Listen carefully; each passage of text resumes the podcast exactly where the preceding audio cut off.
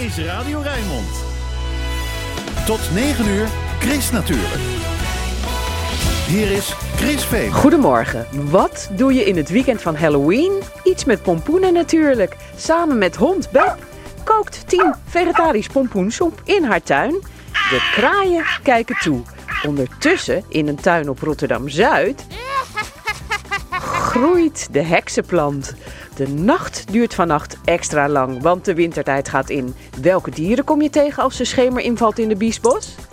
Dat horen we van boswachter Thomas. En we praten over de kleine geschiedenis van Rotterdam. Je hoort er meer over vandaag in... Chris natuurlijk, met Chris Vemer.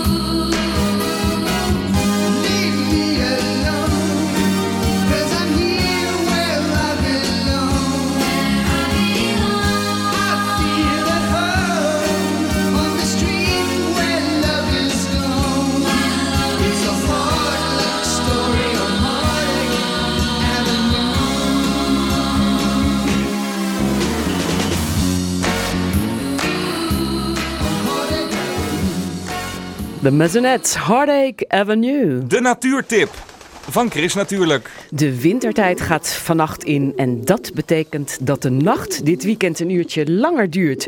Aan boswachter Thomas van der Es de vraag: welke dieren kom je eind oktober tegen in de nachtelijke biesbos? Nou, je hebt echt je andere zintuigen nodig. Je kan vooral veel horen. En dat eh, eh, is vooral in het najaar iets wat toeneemt in het gebied. Eh, er zijn onwijs veel watervogels, zangvogels op trek die in, in dit soort gebieden komen rusten of hun hele winter hier gaan verblijven. En die vogels communiceren met elkaar. En ook in het schemermoment, ja, dan hoor je ook al bijvoorbeeld de roodborsten aanslaan, die tikken naar elkaar. Je hoort het geschrie van de koperwieken die door het luchtruim eh, zwerven. En natuurlijk veel ganzen, zwanen, smienten, watervogels die bij elkaar op die grote plassen in het gebied gaan slapen. Er zijn heel veel dieren die gaan echt in rust. Hè? Dus eh, het is ook, ook wel de dagen dat je overdag nog eens een egeltje ziet scharrelen. Of met een wat warme namiddag opeens nog een dagvlinder of een vleermuis ziet fourageren. Maar ja, worden de nachten echt kouder. Ja, dan gaat een deel van die dieren echt in rust. Een aantal andere dieren, zeg maar, dat laat zich in het Biesbosgebied opeens ook veel beter bekijken. Want ja, die zijn gewoon eh, echt mensenschuw. En als mensen afnemen in het gebied, en dat gebeurt vaak in de winter, ja, dan laten dieren zich gewoon beter bekijken. Reeën die moeten de Biesbos soms bijvoorbeeld ook verlaten als het hoog water wordt. Ja, dan gaan ze veel meer de polders in. En ja, dat is wel iets waar je echt alert op moet zijn, ook als je in het donker door het buitengebied rijdt. Ja, dat groepen reeën en, en, en dat soort dieren, ja, die, eh, die worden gewoon schemeractief. En die schemer valt op momenten dat wij nog wel enigszins actief zijn natuurlijk. Hè. Met, met eh, drukte en autoverkeer. Weer. Dus ook opletten geblazen. Wij zijn natuurlijk eh, hier gewoon in de ochtend, dus dat is wel weer een, een ander verhaal. En hier, waar zijn we hier? Ja, we staan op eh, de uitkijkpost van de Petrusplaat, een uitkijkheuvel. Eh, dit is een van de drie grote drinkwaterbekkens die in de Biesbos ligt. Hierdoor hebben we in een hele grote regio Rijnmond drinkwater uit de kraan. Dat wordt hier opgeslagen, via de Maas wordt dat ingelaten. En ja, het zijn natuurlijk echt enorme kunstmatige ingrepen geweest in het Biesboslandschap. Dit waren allemaal kleine verkavelde poldertjes en biesboskreken en gorzen en noem maar op. Nu deze grote betonnen bakken water. Eh, je zou zeggen, ecologisch gezien een ramp natuurlijk dat die hier gekomen zijn. Maar toch heeft de natuur hier zijn benutting van. Je ziet hier in de hoek al een hele grote groep meerkoeten drijven. Dat kan oplopen richting de 4.000, 5.000 meerkoeten. Algemeen beest, maar wel gelijk heel veel bij elkaar. En s'nachts komen hier superveel beesten slapen. Want ja, waar vind je een watervlakte als deze, waar even niet gevaren wordt, waar even geen licht op schijnt en waar je rustig de nacht door kan brengen? Ja, dat zijn die bekkens in de Biesbos. Die zijn super belangrijk. De Natuur- en Vogelwacht eh, Biesbos die heeft eh, laatst ook echt eh, gezegd van jongens, het moet nou afgelopen zijn met al dat eh, recreatie, eh, vaarverkeer in de Biesbos. Want de dieren die eigenlijk overdag leven, die gaan, gaan ineens 's s'nachts leven door al dat lawaai. Ja, daar zou je in deze tijd van het jaar minder last van hebben. Maar toch, ben je het met ze eens? Ik vind zeker dat je dat goed moet borgen. Want ja, eigenlijk zijn eh, bepaalde aspecten voor grote groepen dieren. Eh, die specifiek in de Biesbos leven, eh, ja, die zijn heel erg belangrijk. En dan kun je denken aan nachtrust en winterrust. En inderdaad, nu in het najaar is het rustiger in de Biesbos. Maar je moet het ook vooral heel goed borgen dat het rustig blijft. Want dit zijn de enige plekken, ook zo'n plas als deze, waar al die vogels bij elkaar ongestoord kunnen gaan liggen. En ja, ook, eh, ook recreatie is in ontwikkeling. En ja, als, als de bootjes nog beter uitgerust worden en de drijfpakken nog beter uitgerust worden. En we kunnen ook heel lekker heel de winter door kanoën en varen. Ja, dan botst dat met natuurkwaliteit. En daarom moet je dat zeker heel goed gaan organiseren. En dat doen we ook als Stadsbosbeheer nu. Met een nieuwe recreatiezonering van de Biesbos. Die is super belangrijk. En met name het thema nachtrust. Want s'nachts zijn er heel veel dieren actief geworden. Omdat ze overdag gewoonweg verstoord zijn geraakt door onze aanwezigheid. Wij zijn gewoon op heel veel plekken in de Biesbos. En voor bepaalde beesten is dit ook echt de veilige haven om s'nachts de nacht door te brengen. Nachtrust. En wat voor dieren heb je het dan over? Ja, in de Biesbos vooral eh, slaapplaatsen van aalscholvers, zilverreigers, eh meeuwen, ganzen, zwanen. Eh, en die aantallen lopen dan ook gelijk zo hard op dat het voor ons heel normaal is. Maar nergens in, in West-Europa zie je zulke grote belangrijke plekken als in rivierdelta's en het Waddengebied. Maar ook eh, ja, bevers, marterachtige, kleine marterachtige, eh reeën. Ja, over het algemeen komen wij ze nu ook s ochtends vroeg en s avonds tegen. Omdat ze s'nachts fourageren. En s'nachts is het dus voor hun een heel belangrijk gegeven dat rust geborgd is. En ja, dat, eh, dat kunnen dieren niet allemaal zelf organiseren. Dus ik denk dat we dat als boswachters in de Biesbos goed moeten gaan doen met die recreatiezonering. Dat je gewoon bepaalde plekken hebt waar het in de winter rustig is. Bepaalde plekken in de nacht rustig blijft. En eh, ja, dan kan je nog steeds lekker van de Biesbos genieten. En uilen die zitten hier natuurlijk niet, denk ik. Eh, niet in dit stukje. Jawel, zeker. We hebben veel uilen in de Biesbos. eh, veel kerkuilen, bosuilen.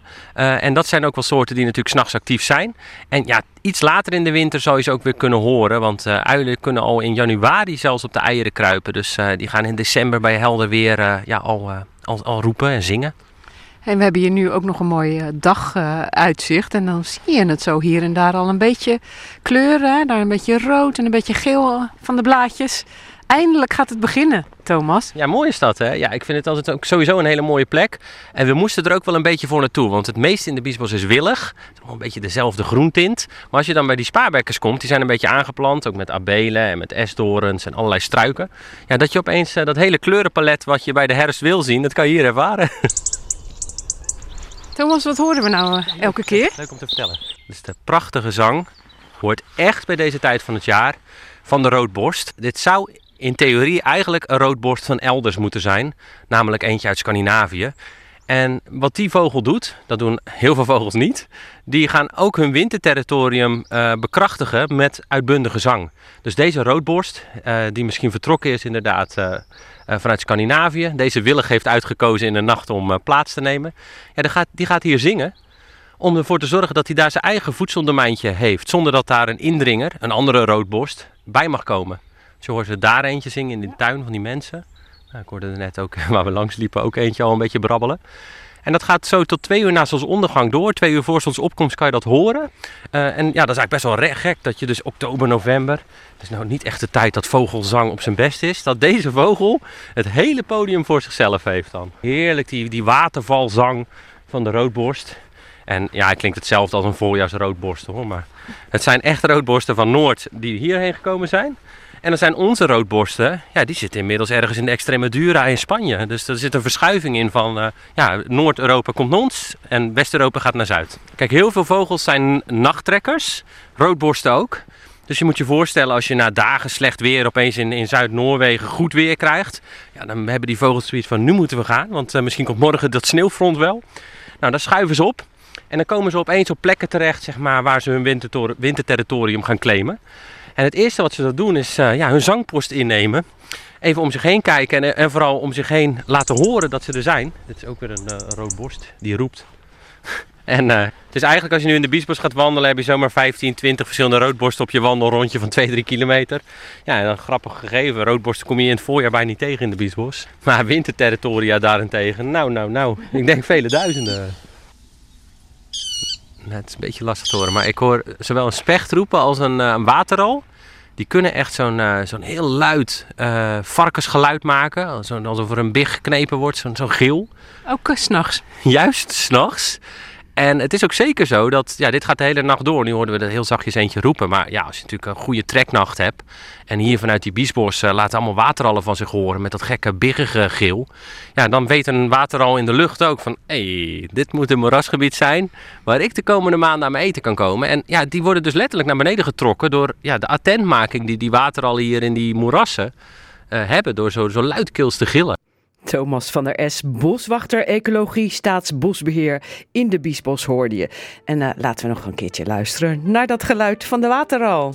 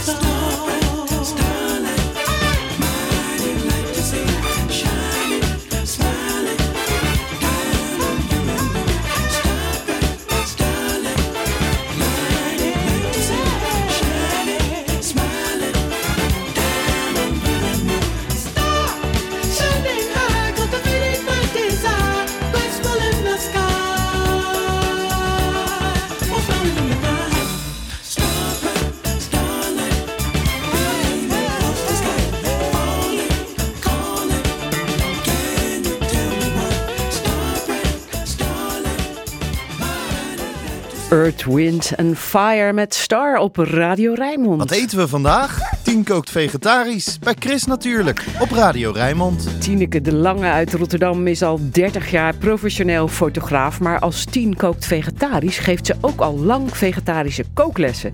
Speciaal voor Chris Natuurlijk kookt Tien vegetarisch iedere keer op een andere plek een gerecht. En na afloop deelt ze het recept. Waar we vandaag zijn, dat horen we van Tien zelf. We zijn op de tuin in Berkel Roderijs, Vlinderstrik.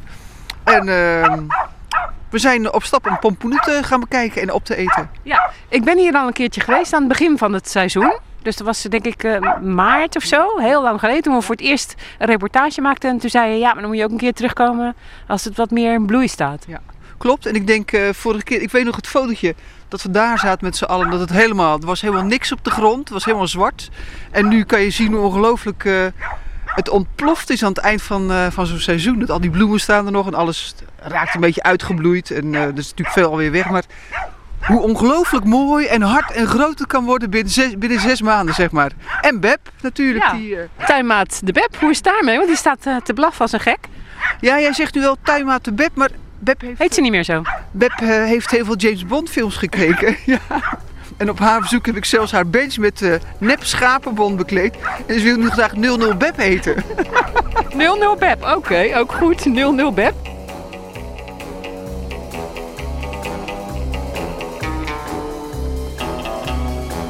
En eh, ja, ze is eh, echt op een missie nu volgens mij. Jazeker, het is eh, de missie Red de Cardoendistel. Nou ja, dat is natuurlijk pret voor die hond hier op de tuin met muisjes en met ratjes en alles waar je achteraan kunt dwalen en rennen. Nou, laten we even omschrijven hoe we erbij staan. Aan de overkant allemaal schapen die een beetje verschrikt staan te kijken. Af en toe vliegt er een vliegtuig boven onze hoofden. Klopt, eh, dreigende wolken. Ja, je ziet heel veel ganzen overvliegen natuurlijk. En eh, ik denk alleen maar ganzen. Ik weet niet zoveel van vogels. ik denk dat ik ganzen en zwanen zitten hier ook. En jij weet veel van pompoenen, toch? Ik weet heel veel van pompoenen. We hebben denk ik een stuk of 10 of 12 soorten geprobeerd dit jaar om te, te planten en te kijken of ze het goed doen. En te kijken of ze lekker smaken en of ze ze kunnen gebruiken in de keuken. En hoe het altijd gaat op de tuin is ook dat je van die en dan van die en van die ook nog een plantje krijgt. Dus op het- de administratie is een beetje door de war moet ik zeggen. Maar weet je, als ik nou eerlijk ben, ik vind pompoen eh, een beetje weeg. eh, ik vind het eigenlijk helemaal niet lekker. Ze kunnen heel melig zijn, dat klopt. Maar ze kunnen ook super notig zijn. Ze kunnen ook een hele mooie bite hebben. Het is natuurlijk eh, het weekend van Halloween. Dus mensen die hebben natuurlijk ook overal pompoenen buiten gezet. Van die enge pompoenen. Waar kan je dat het beste van maken? Van een pompoen die een beetje goed kan snijden. Want als je natuurlijk een hele harde schil hebt, dan eh, krijg je hele mismaakte koppies. Ik denk dat je altijd een beetje van die Hokkaida's krijgt. Van die, zeg maar, die Japanse pompoenen, die oranje. En er worden ook soms pompoenen echt speciaal daarvoor gekweekt. En die heten, echt, die heten ook echt Jack Halloween of zo. En Dus dat zijn, dat zijn denk ik niet eens eetbare pompoenen, maar echt alleen maar voor, het, eh, voor de decoratie. Kijk, deze bijvoorbeeld die hier liggen. Die zaadjes hebben we van de Kaapverdiaanse buurman gehad. Ik zou niet weten wat het is, maar ze zijn natuurlijk indrukwekkend groot. Ja. En Kaapverdiaanse mensen die gebruiken het ook heel erg veel in soep volgens mij, in stoofpotten. Eh, maar je kan van pompoen nog veel meer maken. Je kan het, hij is natuurlijk vrij zoet ook, hè. En je kan hem ook heel goed zoet maken, want hij absorbeert echt smaken heel makkelijk. Dus eh, je kan er ijs van maken, je kan er muffins van maken, je kan er taart van maken. Bijvoorbeeld, eh, wat ze er vaak van maken is een tart tartin, weet je, dus een beetje zoet, eh, zoetige taart, zo'n omkeertaart, dat is heel erg lekker. Ik vind het wel heel mooi staan zo hier. Dat een soort eh, klein landgoedje met een beeld erbij. En dan al die pompoenen die zo op de grond liggen. Het beeldje lijkt een beetje op Ajax van buurman, overbuurman eh, André. Dus dat hebben we naar achter verplaatst. Want anders dan zou hij het in de sloot gooien, zoals hij zei. Ik moet ge- toegeven, het lijkt wel een beetje op het logootje van Ajax. Dus we hebben het wijselijke weer naar achter verplaatst. Maar het is hier, eh, ja, het is hier mooi. En eh, ik vind de- het leuke aan de, aan de seizoen op de tuin is, is dat nu een beetje... Het is een beetje, natuurlijk een beetje de, klaar, weet je, nog een maandje en is alles wel weg. Maar dat dat verval en dat, dat rijken tegelijkertijd, dat er nog heel veel van de tuin af kan komen. Bijvoorbeeld die hele grote pompoenen. Dat vind ik wel een hele super mooie combinatie. Allemaal kolen, ook echt lekker winter. Kolen, eh, wat staat er nog? Nog venkel staat er, nog snijbiet staat er, rezi staat er nog. Eh, Ja, Racy, dat is je partner waar je samen de tuin mee eh, doet. dit is een geel met groene. ja. Dus ook een hele mooie. En wat ik hier mooi aan vind, is dat hij ook een beetje ribbeltjes heeft. Een soort framboos lijkt het wel. Ik vind hem heel En hoe mooi. smaakt die dan? Dat weten we niet. Dat gaan we allemaal testen. We hadden eigenlijk gedacht dat we honderd keer zoveel pompoenen zouden hebben. Dus dat we op de Rotterdamse Oogstmarkt zouden kunnen gaan staan met deze pompoenen. Maar het zijn er toch minder dan we hadden gedacht. Ik weet niet zo goed waarom. Ik denk dat... Nou? Ik heb eerst alle pompoenen gezaaid en toen na een paar weken waren ze weg. Dus toen hebben de duiven eh, de pompoenen opgegeten. Toen nog een keer geprobeerd. Toen de duiven alles weer opgegeten. En uiteindelijk, dit is pas de derde batch. Toen dachten we, het gaat vast niet meer lukken. Het was gewoon te laat. Maar er zijn pompoenen gekomen. Want die gele, dat, die ja, wat noem je, grote gele pinda's, die heb ik al een keer geproefd. Die zijn een beetje gronderig. Oh, want die zien er nou juist lekker uit. Dat is heel vaak met mensen ook zo. Dan zien ze er mooi uit en dan smaken ze helemaal niet lekker, weet je? Zullen we er nog één doen? Die hele grote, Dit is ook een hele... Geen idee wat het is. Ehm, zijn lekker, ja, een beetje dik en hij heeft een beetje pokdadige huid. en het is ook wel leuk, want als je erop slaat, dan, voel je ook nog, of dan hoor je ook nog dat hij goed is. Deze is gewoon nog goed. Nou, deze keer heb je alles al van tevoren gemaakt. Die is lekker warm in de kas. Ja. We hebben natuurlijk geen eh, oven op de tuin. Nee. Dus ik heb een eh, hele lekkere Hokkaido pompoen, lekker vers van de tuin gehaald. Alleen de pitjes eruit gehaald. Dat is natuurlijk het leuke van een pompoen. Je kan er heel veel van gebruiken. Want je kan de zaadjes eruit halen of de pitjes eruit halen. Als die droogt in de oven met een beetje zout, kan je ze opeten. Ja. Wat zijn dit voor leuke dingetjes wat je hier eh, nog hebt liggen? Dit zijn tomatillo's. Dus dat is een soort eh, tomaat die eh, in een soort kleverig jasje zit. Oh, we gaan even de kastdeur dicht doen. Het wordt nog hard gewerkt buiten. Oh, is Gerrit. Oh.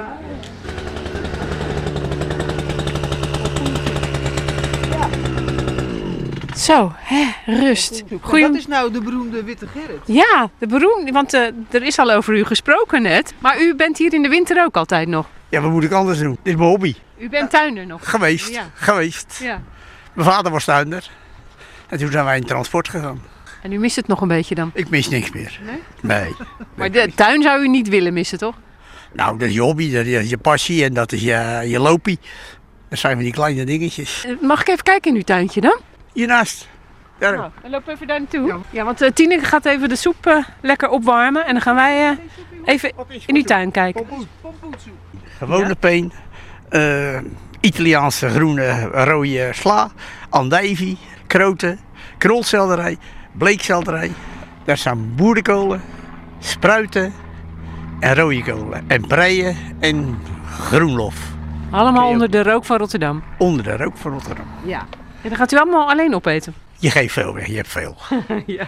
Dat vraagt vraag een tien. Er zit hier wel eens een vlakje in, want het is buiten, het is niet bespoten. Oh, dus dat ja, kan je allemaal ja. meemaken in Ja. de natuur. het is vlees, het glibbert lekker. Vraag maar een tien. Ja. Die eet je ook wel eens. Ik zeg jongelui, Oh, heerlijk. pannetje soep. Ga je zelf ook niet eten dan? Jazeker. Oh, zo, oké. Ik ben benieuwd wat het testcomité ervan vindt. Ja. We kunnen buiten eten. En hij is stevig. Oh, zeker stevig. Maar dit is ook lekker, hè? Die room met, eh met gember. Oh, room met gember. Mm. Het smaakt inderdaad Indiaas. Ja. Lekkere Halloween soep. Ja. De afwas doen we in de regenton, ja. Maar het was lekker. Dankjewel. Eh, Lekker pittig. lekker pittig. Ondanks dat het pompoen was. Ik zou willen zeggen, eh, het receptje staat alweer op de website. En ehm, nou, happy Halloween, Chris. Pas maar op. Scary Halloween. Ja, scary. Ja, we gaan Chris een pompoen meegeven. Ja, die, daar ligt een... Die kan je eens uithollen, maar kan je even koffie erin maken. Nou, als je durft, dan eh, kun je dat angstaanjagend lekkere soepje met Hokkaido pompoen zelf maken. Op de site van Chris natuurlijk staat een linkje naar het recept van 10 kookt vegetarisch. En je kunt in november en december ook 10 kookt lessen volgen. Oh, lekker zeg. 10 kookt vegetarisch op Radio Rijnmond. Bij Chris natuurlijk.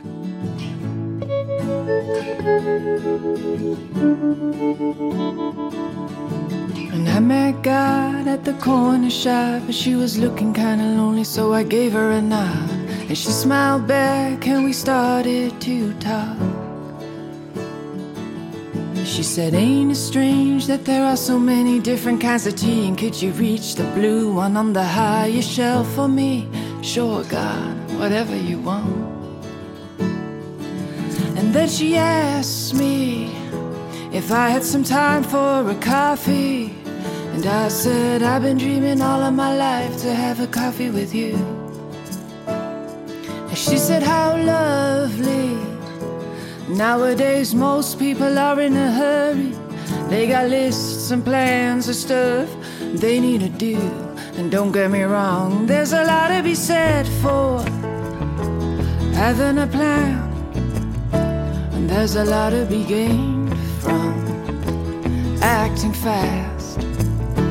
And there's a whole lot of sense in being direct. But then again,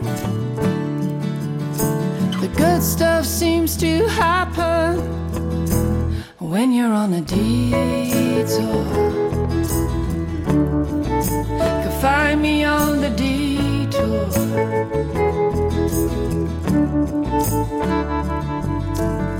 For tea and then we went outside. The sun shone bright and the car sped by. She said, I've been meaning to look into that, but I, I guess I got a little sidetracked. And sometimes I lose track of time, and sometimes I don't mind and let it all just drift away. And then I find myself again on a detour.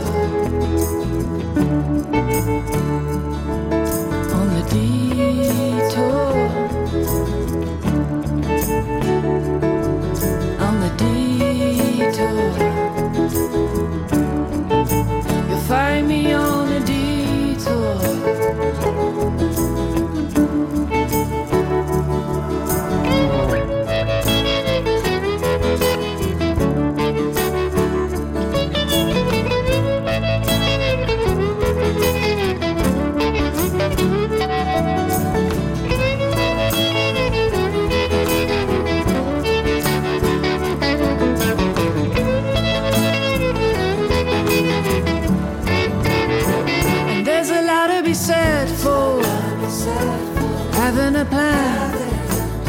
And there's a lot to be gained from acting fast. And there's a whole lot of sense in being direct. But then again,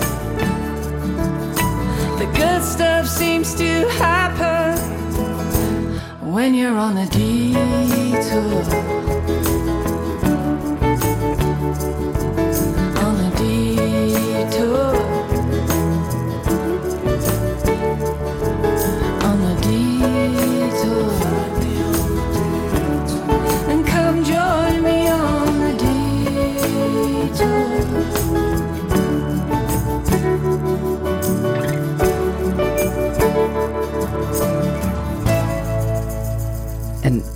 Ben je benieuwd wie dit was? Dat was Van Wijk met Goddess in the Detour. Chris Natuurlijk. De weekendbijlage. Wat staat er in de weekendkranten over groen en natuur? Je hoort het in het overzicht. Ik lees het samen met Martin van der Boogaard. Martin, een hele goede morgen. Jij gaat beginnen. Ja, goedemorgen Chris. Ja, naar aanleiding van de grote klimaatconferentie die morgen in het eh, Schotse Glasgow begint, heeft het AD een eh, special waarin de krant uitlegt hoe het klimaatprobleem eigenlijk is begonnen en waar we nu staan. In de special komen ook eh, mensen aan het woord die, dat is altijd weer fijn, aan een oplossing werken. Op naar de top kopt trouw vandaag in de weekendbijlage. Gastheer Boris Johnson ruikt groene kansen. Het Verenigd Koninkrijk wil het goede voorbeeld geven voor de vergroening en ziet daarbij ook economische kansen. Ja, niet alleen mensen, ook honingbijen doen aan social distancing. Als er in een eh, bijenkolonie een besmettelijke ziekte rondgaat, dan houden de bijen afstand. Je leest erover in de Volkskrant. En dan denk ik, zullen er in die bijenkorven ook complottheorieën de ronde doen. Dat zal dan vast wel. De kroeskop-pelikaan, die zou Dat het in ons land... Chris, de kroeskop, pelikaan. Ja, pelikaan, dat mag. In ons land eh, goed kunnen doen. Het beest kwam tot de 15e eeuw gewoon in Nederland voor. En hij zou weer terug kunnen komen in ons land. Niet in Diergaarde Blijdorp, maar gewoon in de vrije natuur. Maar dan moet hij wel, net als in de tijd de bever en de otter, worden geherintroduceerd. En daar lees je over in de column van Jelle Reumer in Trouw. Ja, dat wordt dan gefinancierd door de VOC, denk ik. Eh, dit is het Lekker eh, bezig, Martin. seizoen om, eh, om kraanvogels te bewonderen. In, in Duitsland, schrijft NRC. Wie eh, de kraanvogels wil bewonderen, die kan naar de Diepholzer Moorniederung. Ja, waar ligt dat dan? Ja, even opgezocht tussen Osnabrück en, eh, en Bremen. Daar En strijken dan ga je even naartoe met de trein natuurlijk. Ja, of met de fiets. Maar Ja. je kan ook gewoon naar het oosten van het land, want daar zitten ze volgens mij ook. En ik heb eens een keertje massa's kraanvogels gezien toen ik eh, ja, toch door het niet zo heel erg groene roergebied fietste. Dus ze komen overal voor. Ja, bijzonder hè. Martin van der Boogaard was dat met het groene nieuws uit de weekendkranten. Dankjewel. Gaan we door met het weerbericht en dat komt van Stefan van der Gijzen. Stefan, een hele goede morgen. We zijn begonnen aan een regenachtige ochtend. Ik hoop dat dat nog gaat veranderen, maar dat weet jij beter dan ik. Ja, een hele goede morgen, Chris. Eh, dat gaat wel iets veranderen. Eh, vanochtend hebben we dan inderdaad nog te maken met regenachtig weer. Vanmiddag wordt het allemaal wel iets droger. Blijft niet helemaal droog, er is wel kans op een bui. En de temperatuur die komt vanmiddag uit eh, rond de 14 graden. En er staat een stevige zuid- tot zuidoostenwind. Ja, vanavond dan eh, valt er eerst nog een bui. Vannacht dan blijft het overal droog, klaart het ook af en toe op. En daalt de temperatuur naar een graad of 10. En de zuidelijke wind die neemt daarbij iets in kracht af. Ja, eigenlijk het beste moment van het weekend is morgenochtend. Dan blijft het droog. Dan hebben we ook te maken met een streepje zon. Maar in de middag raakt het weer bewolkt vanuit het zuidwesten. En dan volgt er ook mogelijk flink wat regen. Mogelijk ook daarbij een klap onweer. En de wind die draait naar het zuidoosten. En die neemt opnieuw toe naar matig tot vrij krachtig. En dat is een windkracht 4 tot 5. Ja, de rest eh, van de periode maandag dan vallen er nog enkele buien. Er staat er veel wind uit het zuidwesten, mogelijk hard aan zee. En eh, wordt het met 12 graden al iets frisser. Ja, en volgende week dan wordt het wisselvallig. En met 11 graden is het aan de frisse kant. Ja, nou ja, ik vind het wel een beetje passen bij eh, de wintertijd die vannacht ingaat. Ja. Wat jij? Het heeft ook wel iets gezelligs, vind ik altijd. Ja, nou, lekker binnen. niet te veel eh, de kachel aan, want eh, dat is te duur. Dat is niet goed. Stefan, eh, lekkere trui aan en eh, een fijn weekend. En eh, ik spreek je de volgende keer weer. Hoi, Jij hoi. ook, tot de volgende keer. Hoi. Luisteren allemaal naar Chris. Kom daar toch. Chris, natuurlijk.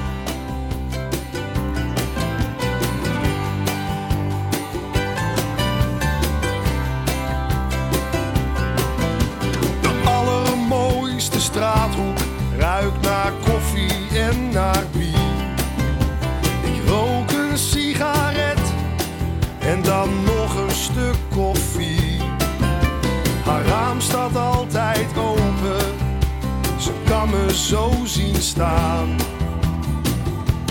Ze roept, wacht op mij vanavond, het is tijd om weg te gaan.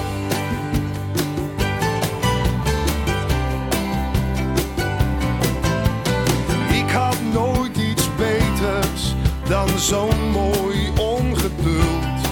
Tot ik de zon heb neergekeken, wat me niet met spijt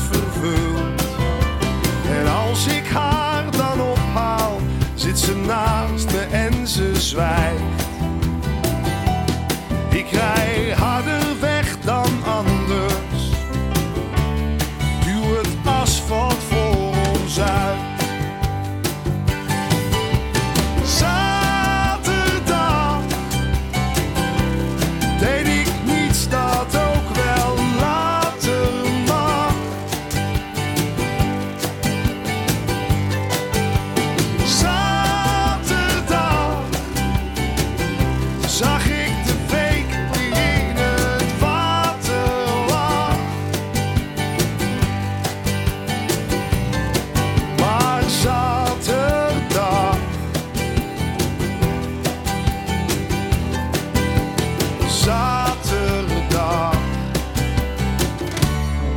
ben ik vrijer dan de rest.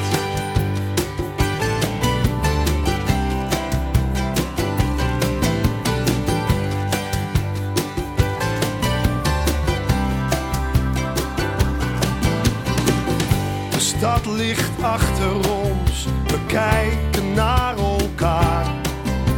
Het wordt nooit meer hetzelfde, wij hier, de wereld daar.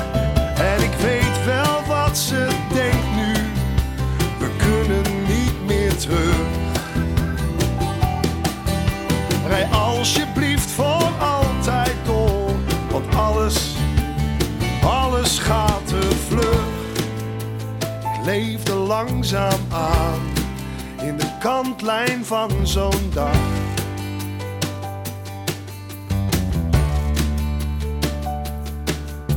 Dat alles net nog kan, maar niet meer hoeft. En ik verdeed mijn tijd, maar ik ben klaar voor zaterdag.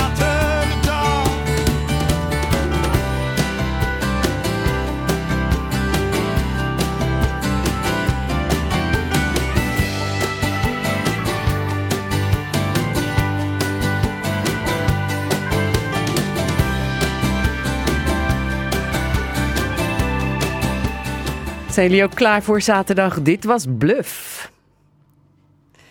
Eh, in de plant van de maand vertelt Melita van Bracht, botanicus bij de Botanische Tuin Afrikanerwijk in Rotterdam-Zuid, iedere maand een verhaal over een bijzondere plant uit de tuin. De plant van de maand oktober was de hazelaar, maar we hebben in dit weekend van Halloween nog een plant in de bonus. Welke plant is dat? Nou, dat is heksenkruid. En die heet eh Circeae lutetiana. Met Halloween zijn natuurlijk altijd duistere gedachten. En dat is bij deze plant niet anders. Want eh, in het verleden geloofde men dat als je in het bos liep en je liep op die plant, je stapte je per ongeluk op, dan raakte je plots de weg kwijt. Maar ja, dat lijkt me niet meer als logisch, want als je alleen maar naar de grond loopt te staren. Dus het was natuurlijk een eh, self-fulfilling prophecy, zullen we maar zeggen. Die mensen keken alleen maar naar beneden en letten helemaal niet meer op waar ze waren. Ik wou vragen hoe ziet die eruit? Want ik zie eigenlijk alleen maar het bordje en er staat een groot heksenkruid. Maar ik zie die plant gewoon niet hoor. We zullen we er even naartoe lopen? Oh hier, hier is nog een stukje over. Ja. Ja, het zijn, eh, ja, hij ziet er nu natuurlijk een beetje armetierig uit, maar in de zomer dan is hij natuurlijk veel groener. En, Maar eh, ik bedoel, ja kijk, als ik eh, straks in een bos loop en ik wil niet verdwalen. Ja, dan zou ik zeker op het, gewoon op het bos letten en niet op die dingen. Anders is het een probleem. Maar wat we, wat we nu zien, dat zijn natuurlijk ja, dat zijn de laatste blaadjes, zullen we maar zeggen. En dan het gedra hij gedraagt zich als een vaste plant. Dus straks dan kruipt hij weer lekker onder de grond. Dan zie je er niks meer van. En dan, het is weer jammer dat ik mijn loepje weer niet bij me heb. Maar deze, deze zaadjes, dat worden een soort haakjes. En die blijven dan natuurlijk weer aan die, aan die klitten hangen van die beesten. De klitten staan vast. En dan verspreiden ze zich zo weer op om op nieuwe plekken tevoorschijn te komen. Maar Halloween, dan denk je ook aan heksen. Dus heksenkruid past er wel bij. Maar dit is niet iets, eh, een soort kruid waar je nog iets mee kan. Zoals eh, heksen in, eh, in de kruidengeneeskunde dingen kunnen doen. Nou, het, het is zo, kijk, want hij heet natuurlijk niet voor niks Circaea, zullen we maar zeggen. En eh, dat komt van uh. En dat is weer eh, die, Griekse, die Griekse godinne waar we het altijd over hebben. En zij was de eentje die kon betoveren. Maar in werkelijkheid was het natuurlijk een dame die heel veel verstand had van, van kruiden. Deze deden ze wel gebruiken. Maar helaas is dat in onbruik geraakt. Of helaas. Nou ja, het is alleen al leuk om, om de zinnen te zien die ze daarvoor hadden. Want wat deed hij nou? In wijn gezoden. Het is natuurlijk oud, oud-Hollands, hè? en zo warm opgelegd, neemt weg de hartigheid uit der vrouwenborsten. En de zwelling der tepelen. Ook de hittigheid en brand der wonden zweren en zeren. Nou, het is een hele mond vol. Maar eh, ik heb het tegenwoordig, als je kijkt in de boeken, kan je er niks meer over vinden in de fytotherapie. Dus ik denk dat het eigenlijk allemaal, wat deze plant daar gaat, eh, kulkwats en onzin was. Net zoals Halloween misschien ook een beetje. Ik denk het. Eigenlijk weet ik dat wel zeker. Zegt Melita van Bracht. Ze is botanicus bij de Botanische Tuin Afrikaanderwijk in Rotterdam-Zuid. En volgende maand is ze er weer met een bijzondere plant uit de tuin.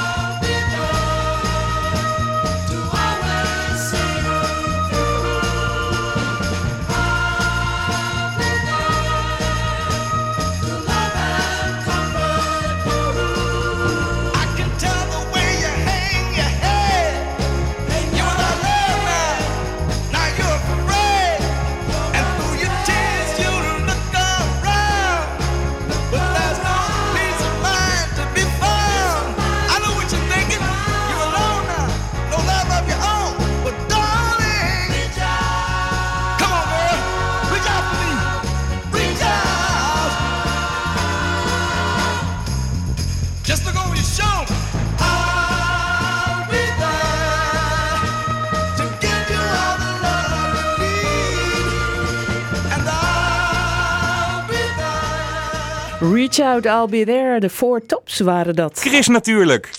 Lekker lezen. Over Rotterdam is al veel geschreven en daar komt nu nog een boekje bij. De kleine geschiedenis van Rotterdam van Paul van der Laar, stadshistoricus van Rotterdam en hoofd van de afdeling geschiedenis van de Erasmus Universiteit. Eh, Paul van der Laar is de gast. Paul, van harte welkom. Wat heb jij met stadsgeschiedenis? Je moet trouwens de microfoon ietsje hoger zetten, zodat je precies goed, ja, dat we je goed kunnen verstaan. Nou, dat is een goede vraag. Ik ga volgende week weer beginnen met mijn colleges. En daar begin ik ook mee. eh, eh, met, met aan de studenten uit te leggen waarom stadsgeschiedenis zo'n ongelooflijk eh, belangrijk vak is. Want alles eigenlijk waar we in de hele wereld over praten, waar jullie al op de radio of met de media dagelijks mee bezig zijn, dat vindt altijd zijn weerslag in de stad. Of het nu, over de toekomst, in het verleden. Dus eigenlijk is stadsgeschiedenis een heel belangrijk vak. Nou, en dan zit je in Rotterdam. Dus het is dan heel erg leuk om die passie voor het vak stadsgeschiedenis ook te kunnen, uit te kunnen oefenen op de stad Rotterdam. Ja, dat doe ik nou al een hele tijd en dat blijft boeien. Dus vandaar Ja. ook dit boekje. Ja, ja een, een klein eh, boekje. Maar er is al zoveel over Rotterdam geschreven. Waarom dan dit boek nog? Omdat eh, ik heb daar mijn uitgever, uitgeverij Tot. En die was al, had al een aantal voorbeelden gezien in het buitenland. Hij zegt, er, wordt natuurlijk, er zijn er verschillende stadsgeschiedenis. Hij zegt, maar ik zou het toch eigenlijk wel heel prettig vinden... als je nou zou proberen een aantal hoofdlijnen uit die geschiedenis... gewoon samen te vatten. En dat doen we dan in een vorm, format, de kleine geschiedenis... Want dat dwingt jezelf ook om hele scherpe keuze te maken. Dus het is in die zin ook een hele persoonlijke keuze over de thema's die mij heel erg bezighouden. Vanuit Dus, want iemand anders zou een ander boekje eh, schrijven over, de, over. Rotterdam. Ja, ja dus Absoluut. dan moet je eigenlijk een heel rijtje bij elkaar eh, hebben. Ja, nou, het is niet zozeer de bedoeling om, kijk, om te zeggen dat er is ook heel veel bekend, maar je probeert met dat boekje, althans dat heb ik geprobeerd, toch ook een soort beeldschap. Ja, wat voor stad is Rotterdam nu eigenlijk? Eh, waar komen we vandaan? Waar gaan we naartoe? En wat zijn nou de thema's die ons vanuit het verleden bezighouden? Dat gaat van mythe tot echte verhalen. Ik ben ook zeer geboeid naar de frictie tussen feit en fictie.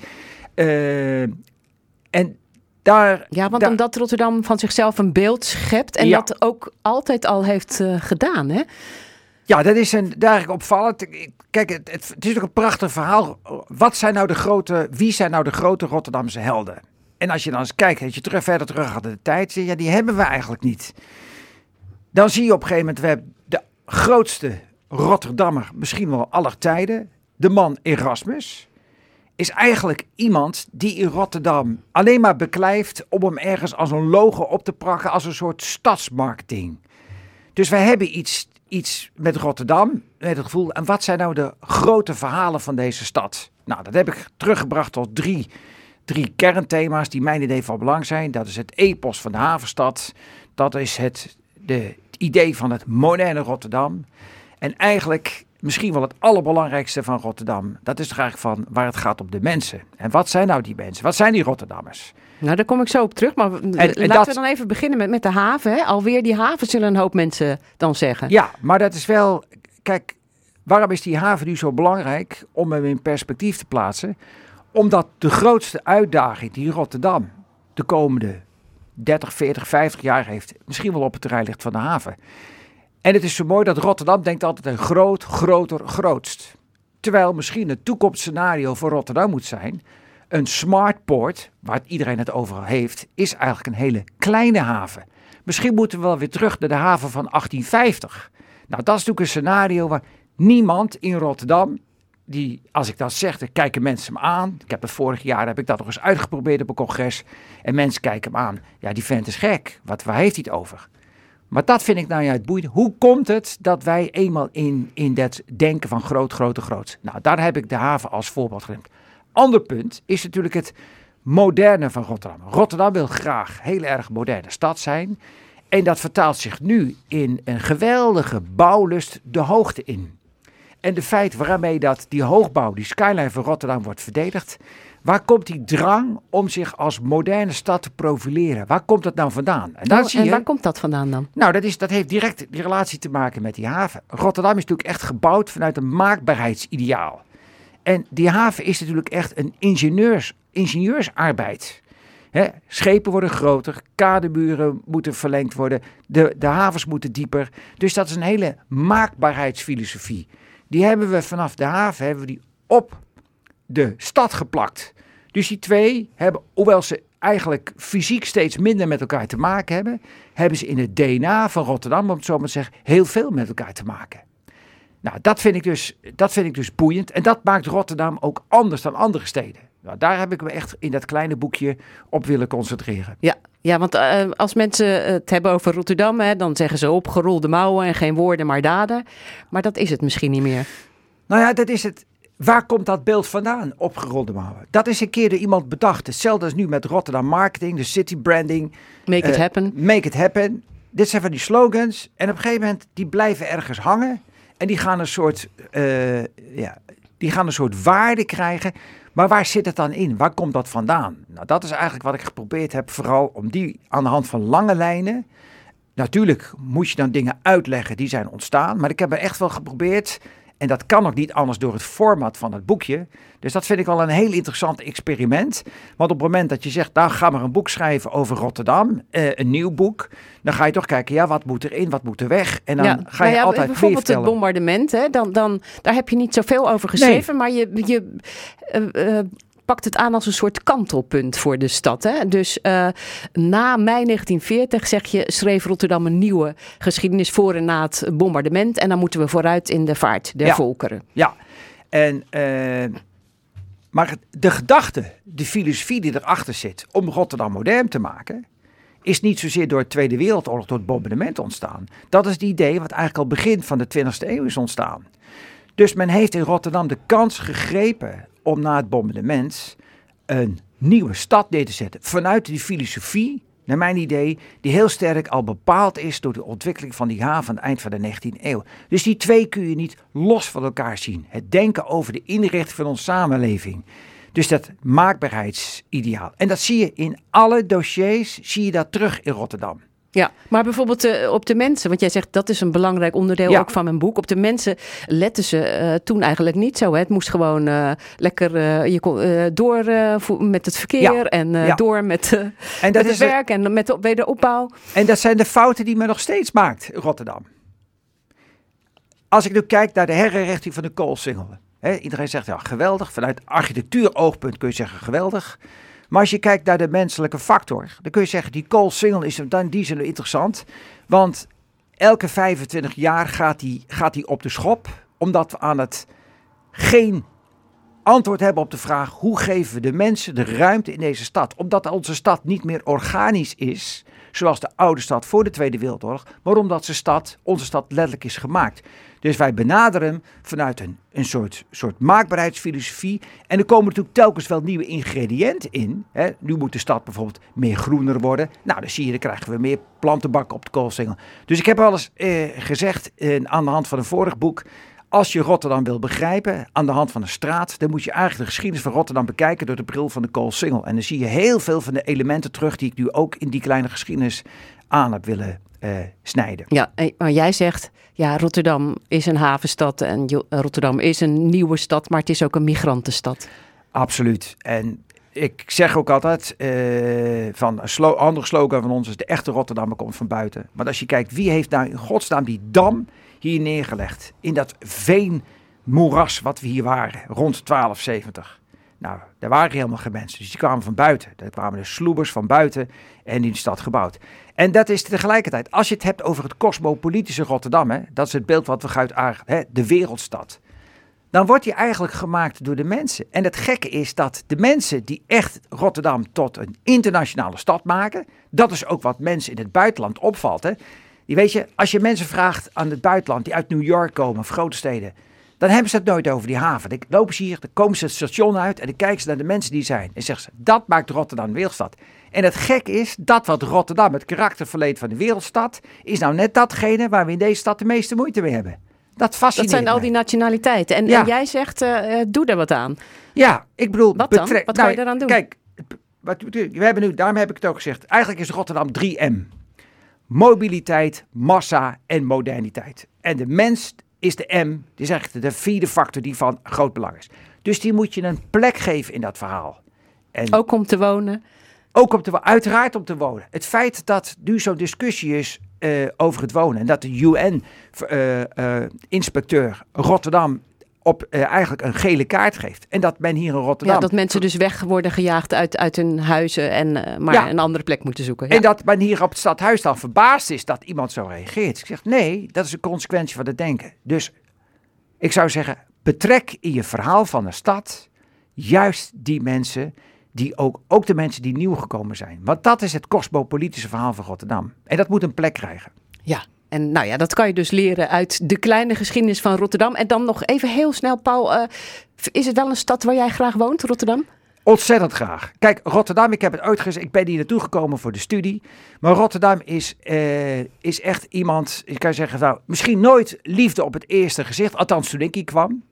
Maar het is een liefde waar je voor moet werken. Maar als je je te pakken heeft, laat ze je nooit meer los.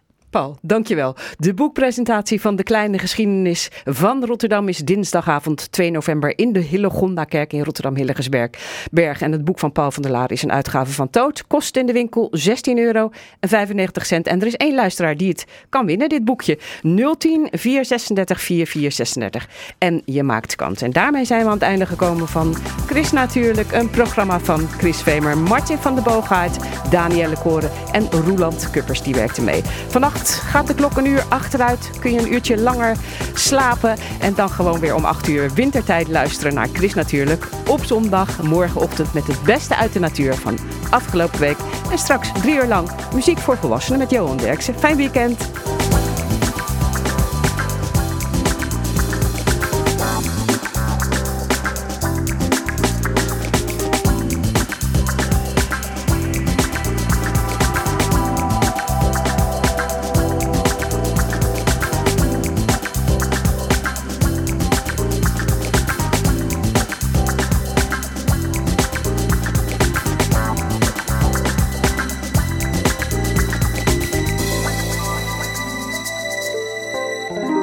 Natuurlijk. Kijk ook op chrisnatuurlijk.nl